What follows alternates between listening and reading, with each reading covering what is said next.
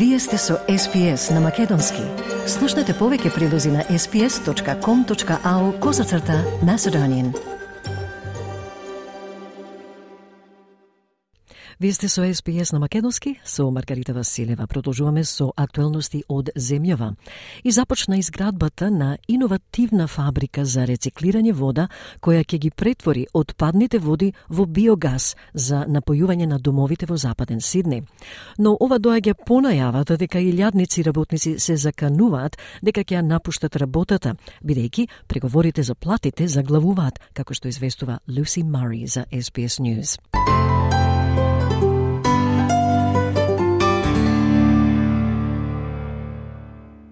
Вооружени со златни лопати. Шефот на Сидни Water и членот на Кемблтаун присуствуваа на церемонија на поставување на камен темелник за објект за отпадна вода вредна една милиарда долари.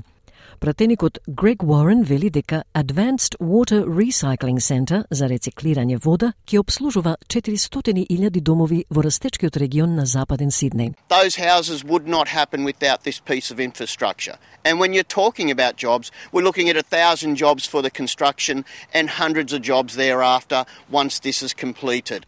Напојувана од соларна енергија, централата ќе може да пречистува до 70 мегалитри отпадна вода дневно. Според директорот на Sydney Water, Рок Шаро, пречистената вода ќе се користи на паркови, а цврстите материи ќе се претворат во биогаз. This biogas will be uh, used not only to uh, power the facility itself, but also potentially to be fed back to the network. So, really, natural gas, biogas, fed back to the network to light the homes in Western Sydney. Откако ќе биде завршен, ова ќе биде втор по големина капацитет за отпадни води во земјата по Перт, но неговата употреба е единствена. Водата ќе се користи за одгледување јавни градини, кој пак ќе ги разладува западните предградија на Сиднеј со текот на развитокот на регионот.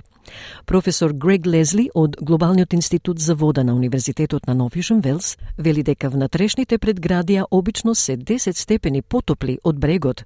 Тој вели проблемот е дека градовите се шират, а управувањето со урбаната топлина и покривката на дрвјата на запад не е соодветна. Така, на крошната на дрвото ќе треба повеќе вода, изјави Грег Лезли од Глобалниот институт за вода на Универзитетот на Нов Јужен Велс. The big problem that we've got as our cities sprawl is the management of urban heat. And the tree cover in, in the west is just not adequate. So the tree canopy is going to need more water. Ова објава доаѓа додека 3000 работници од Sydney Water размислуваат за штрајк поради платите и условите. Заменик секретарот на Австралискиот синдикат за услуги, Джен Примроуз, вели дека моралот во државната компанија е на најниско ниво. Primrose за SBS News изјави дека Sydney Water оваа недела се закани дека ќе им ја намали понудата за плата и дека главниот директор не се потрудил да се појави на ниту едно преговарање. Рок Шаро вели тој има добар тим кој разговара со синдикатите за овој случај и се среќава со луѓето секој ден. I've got a very good team uh, discussing uh, with uh, the unions on this case, uh, meeting with our people every day. Објектот за отпадни води треба да биде готов до 2026 година, за да се совпадне со отворањето на аеродромот во Западен Сиднеј. Од прилогот на Lucy Мари за SBS News.